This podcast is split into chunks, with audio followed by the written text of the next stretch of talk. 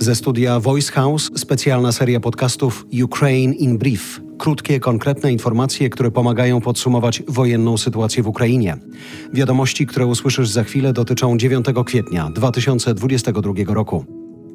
Rosja zaprzecza, że to jej rakiety spadły na zatłoczony dworzec kolejowy w Kramatorsku, gdzie tysiące cywilów próbowało wydostać się koleją do bezpieczniejszych terenów Ukrainy. Zginęły 52 osoby, w tym pięcioro dzieci.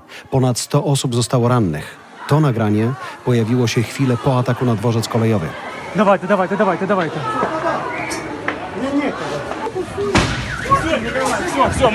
Kilkaset osób skroniło się na noc w jednym z kramatorskich kościołów.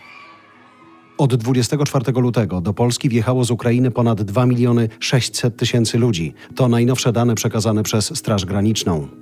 Spotkanie premiera Wielkiej Brytanii i prezydenta Ukrainy w Kijowie. Boris Johnson obiecał dostawy pojazdów opancerzonych i pocisków przeciwko statkom rosyjskim atakującym z morza. W najbliższych dniach Bruksela ma wydzielić Ukrainie 500 milionów euro na zakup uzbrojenia. Najważniejsze rzeczy niech będą najważniejsze, napisał na swoim Twitterze ambasador Unii Europejskiej w Ukrainie. Matti Masikas wrócił do Kijowa. Unijna flaga znów wisi nad miastem.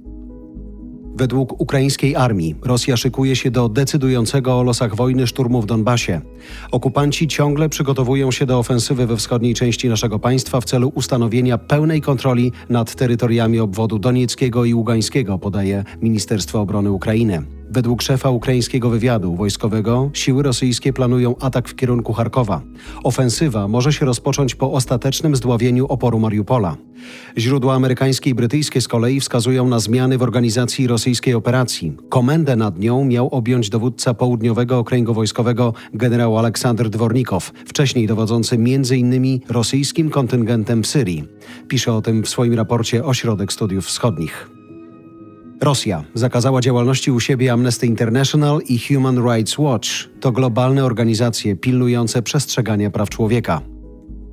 Rosja coraz bliżej bankructwa. Agencja S&P obniżyła jej rating w obcej walucie do noty SD.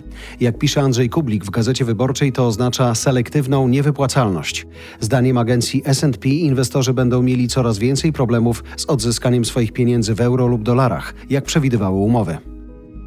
To było Ukraine in Brief od Voice House.